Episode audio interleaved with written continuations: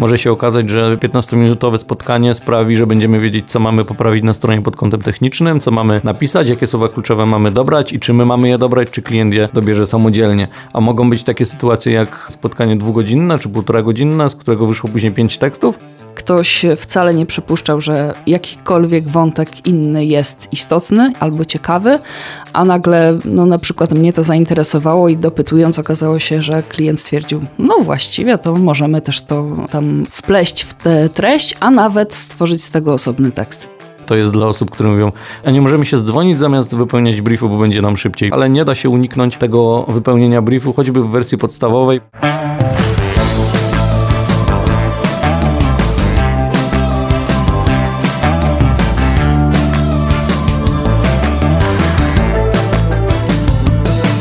O reklamie w internecie. Dla kogo? Za ile? I po co? Opowiada Piotr Polok. Pyta Natalia Siuta. Cześć, z tej strony Natalia Siuta i Piotrek Polok. Cześć. Piotrek, w wielu odcinkach mówimy o briefie, natomiast ten brief, mimo że się kojarzy z wyłącznym wypełnianiem pewnego formularza na zasadzie wpisywania odpowiedzi na konkretne pytania, czego klient tak naprawdę oczekuje, to się też może wiązać z rozmową telefoniczną na przykład, kiedy dzwaniamy się, rozmawiamy na przykład przez godzinkę czy dwie i na tej podstawie różne teksty w oparciu właśnie o tę później powstają. Jak dokładnie taki brief, no trochę telefoniczny, uzupełniający może wyglądać? E, jest trochę tak, jak powiedziałaś, klienci zadają pytanie, a nie możemy się zdzwonić, na przykład zamiast wypełniać tego briefu, wtedy mówię, że nie, że brief musi być wypełniony, bo musimy wiedzieć, e, o czym będziemy rozmawiać. Trochę jak w odcinku o konsultacjach marketingowych, gdzie wspomnieliśmy o tym, że i tak punktem pierwszym jest brief, żeby mieć te informacje.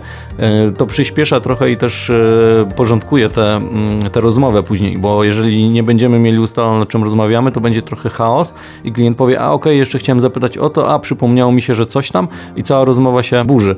Więc e, ten brief marketingowy może być wypełniony pobieżnie, ale żebyśmy wiedzieli, jakie tematy zostaną poruszone wtedy e, w rozmowie. I dopiero punktem drugim jest e, ta rozmowa, o której mówisz, no i prowadzimy sobie ją według punktów. Oczywiście zdarza się, że ktoś mówi, a ja zapomniałem jeszcze napisać o czymś, ale to mówię, dobra, zostawmy sobie na koniec rozmowy, żeby iść według, według schematu. Więc no tak, zdarzają się pytania, gdzie mm, klient mówi, czy, czy możemy rozmawiać. Mówię, że oczywiście możemy rozmawiać, ale to będzie jako punkt drugi naszego spotkania, które odbędzie się w briefie. Okej, okay, jaką to daje przewagę, takie uzupełnienie telefoniczne nad wyłączną formą pisemną? Myślę, że nie ma nieporozumień. To, co jest napisane, często nie do końca wybrzmiewa tak, jakby miało zostać powiedziane, więc y, no, zdarzałem się, zresztą sama miałeś takie sytuacje, gdzie ktoś wypełnił brief, a ty dopiero przez telefon dopytałaś, ale co pan miał tutaj na myśli? I wydaje ci się, że to było coś skomplikowanego, że tego nie zrozumiałaś, a tak naprawdę klient mówi, a bo chodziło mi o to, tylko tak jakoś nie potrafiłem tego wyrazić, ale chodzi mi, żeby to było zrobione tak albo tak, a ty wtedy mówisz, aha, okej, okay, dobra, no to dobrze, że zadzwoniłam, bo, bo miałam wątpliwości, żeby to wykonać, a tak naprawdę okazało się, że to jest bardzo proste. Więc y, nie ma nieporozumień, na pewno jest szybciej, y, jeżeli chodzi o wyjaśnienie pewnych kwestii związanych czy na przykład z budową treści, czy z komunikowaniem jej. Oczywiście to wszystko i tak później potwierdzimy sobie mailowo, bo jednak dobrze to mieć i klient może jeszcze po naszej rozmowie pomyśleć o zmianach. No ale jest to takie przyspieszenie i uporządkowanie działań w przyszłości. Ja bym jeszcze tu wskazała, że mogą się pojawić po drodze różne inne pomysły, bo coś, co może się wydawać klientowi takim wątkiem pobocznym, bo dla niego coś jest po prostu oczywiste i siedzi, kolokwialnie mówiąc, e, w tym e, od lat, to dla kogoś z zewnątrz może być po prostu czymś ciekawym. Nawet taki wątek, jak coś powstaje. No, zdarzały się też sytuacje, gdzie była ta tak zwana klątwa wiedzy, gdzie klient powiedział: Nie, nie mówmy o tym, bo to jest zbyt oczywiste, a właśnie nie. Właśnie powiedzmy o tym, bo to, że dla niego jest oczywiste, bo siedzi w branży 20 lat, dla osoby, która dopiero zaczyna albo która szuka informacji, żeby skorzystać z usługi, nie wie o tym, że to jest bardzo profesjonalne, ale z drugiej strony bardzo proste.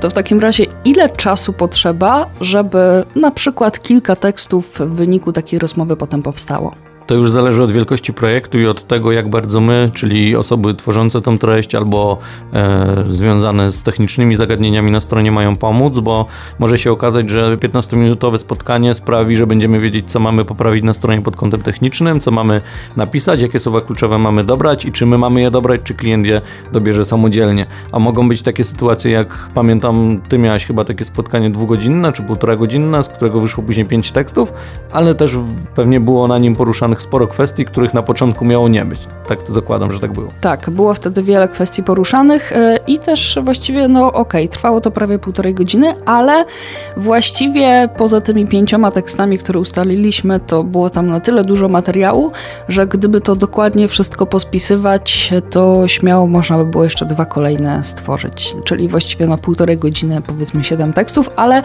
i z mojej strony, i ze strony klienta było to na tyle przygotowane, że po prostu lecieliśmy punkt po punkcie, tam nie było lania wody, nie? więc to też trzeba wziąć pod uwagę. No i pewnie zdarzały się też sytuacje, w których część rzeczy została w ogóle odrzucona, a miała być w głowie klienta, miała być zaimplementowana w tekście, załóżmy. Tak, zdarzały się takie sytuacje i zdarzyły się sytuacje w drugą stronę, czyli właśnie to, że ktoś wcale nie przypuszczał, że jakikolwiek wątek inny jest istotny albo ciekawy, a nagle no, na przykład mnie to zainteresowało i dopytując okazało się, że klient stwierdził, no właściwie to możemy też to e, tam wpleść w tę treść, a nawet stworzyć z tego osobny tekst. To rzeczywiście. I też myślę, że dobrze, żeby wybrzmiała ta informacja, bo fajnie się o tym rozmawia, że klient z nami rozmawia i że mamy wszystko szybciej, wszystko prościej. Natomiast są osoby, które nie chcą rozmawiać albo nie mają czasu, albo nie chcą tego swojego czasu poświęcać na rozmowę z nami, bo wydaje mi się, że wypełnienie briefu wszystko załatwi. No i to też nie do końca tak wygląda. To, że wypełnimy brief i poświęcimy budżet na działania marketingowe, to musimy poświęcić niestety ten czas, bo ostatecznie to my wiemy, co chcemy przekazać. My jesteśmy właścicielami firmy albo dystrybutorami, albo producentami konkretnego produktu i my wiemy najlepiej, co chcielibyśmy komunikować, a marketing ma to po prostu uzupełnić, wskazać, czy to będzie poprawne, czy nie. Więc mimo wszystko musimy porozmawiać rozmawiać. Zdarzają się sytuacje, gdzie klient mówi, zdaje się na was, zróbcie tak jak chcecie, a później okazuje się, że to kompletnie nie to, bo mieliśmy inne wizje i te inne wizje też możemy ze sobą zdarzyć właśnie podczas rozmowy. Okej, okay, to w takim razie dla kogo taka telefoniczna burza mózgów będzie dobrym pomysłem? No myślę, że nie ma osoby, dla której nie będzie, no bo wszystko możemy wtedy zweryfikować. To już kwestia tego, czy ktoś znajdzie czas i będzie miał ochotę na rozmowę z nami, ale nie widzę negatywnych skutków spotkania się i porozmawiania o tym, jakie mamy pomysły. Okej, okay, ale chodzi mi o to, dla kogo będzie to najlepsze, typu, bo mnie na przykład przychodzi do głowy ktoś, kto nie lubi pisać, a woli pogadać na zasadzie takiej, że no, wypełni ten brief po prostu jakoś hasłowo, te najważniejsze kwestie, ale potem woli to wszystko dogadać, e, no nie twarzą w twarz, ale ucho w ucho. A to tak. myślę właśnie, że to jest to, co na początku odcinka powiedzieliśmy, że to jest dla osób, które mówią, a nie możemy się zdzwonić zamiast wypełniać briefu, bo będzie nam szybciej, więc e, no myślę, że dla takich osób, ale nie da się uniknąć tego wypełnienia briefu, choćby w wersji podstawowej, bo jest to taki zaczątek naszej przygody i naszej rozmowy i, i, i wstęp do tego, o czym mamy w ogóle rozmawiać. Musimy mieć jakiekolwiek informacje.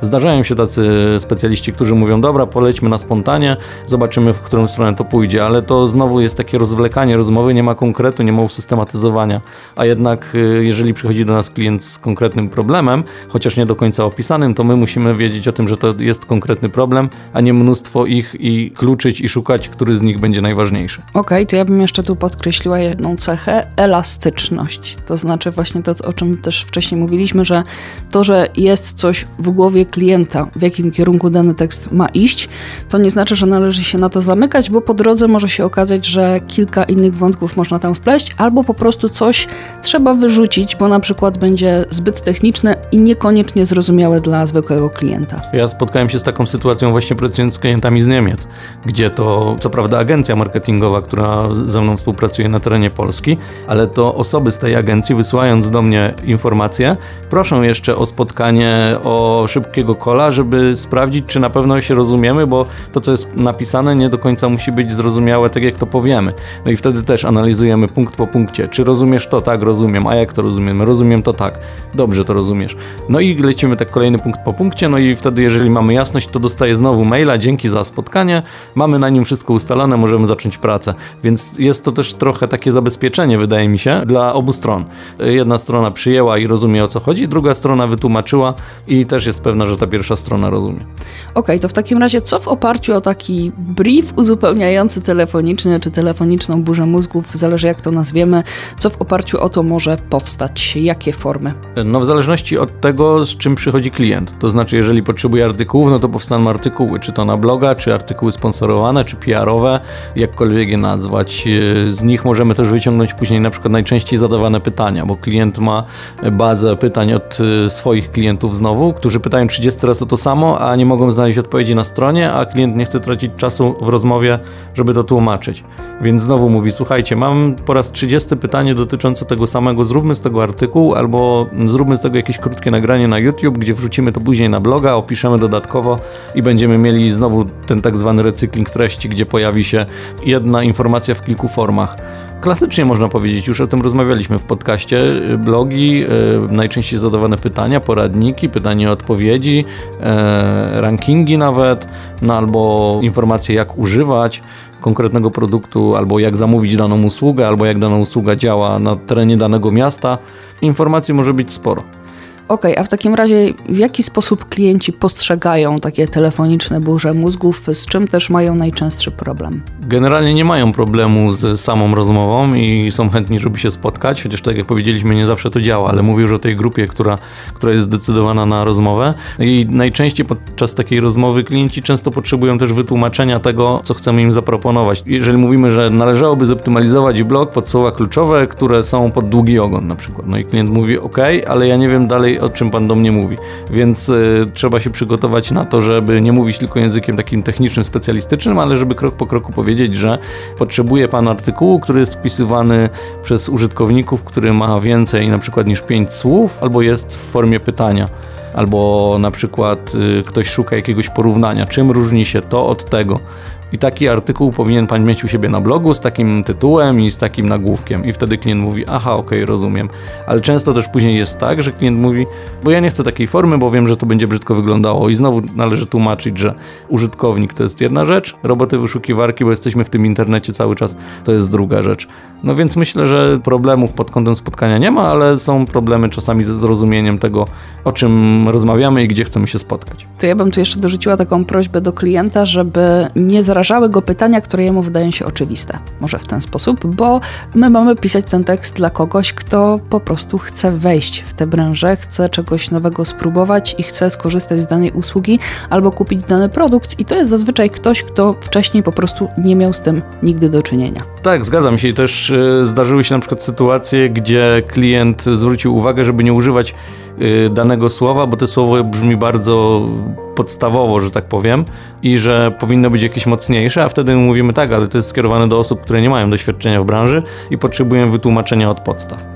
To w takim razie z punktu widzenia klienta, który przygotowuje się do takiej telefonicznej burzy mózgów, czyli po prostu chce uzupełnić swój brief, chce, żeby na tej podstawie na przykład jakiś wywiad powstał albo artykuł e, na bloga, na czym klient powinien się skoncentrować, co na przykład sobie wynotować, o czym powinien pamiętać, żeby ta rozmowa była jak najbardziej efektywna. Jeżeli chodzi o wynotowanie, to na pewno wszystko, o czym myśli i co może być dla niego istotne, nawet jeżeli w późniejszym etapie okaże się, że nie jest, ale ta pierwsza myśl zawsze zawsze najlepsza. No, znalezienie na pewno chwili na spokojnie, żeby z nami nie rozmawiać, na przykład w tramwaju albo gdzieś być zabieganym pomiędzy spotkaniami, że na szybko się dzwonimy i tak dalej, no bo to też nie ma sensu. Powinniśmy dać sobie czas i na spokojnie porozmawiać o tym, jakie mamy problemy.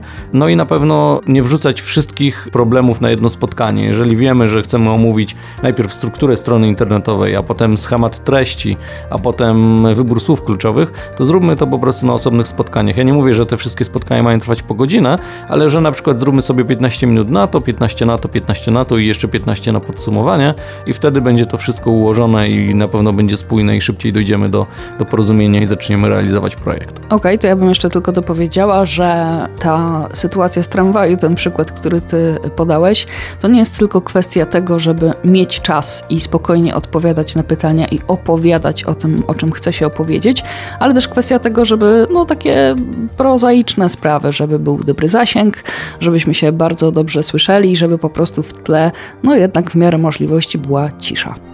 O reklamie w internecie. Dla kogo? Za ile? I po co?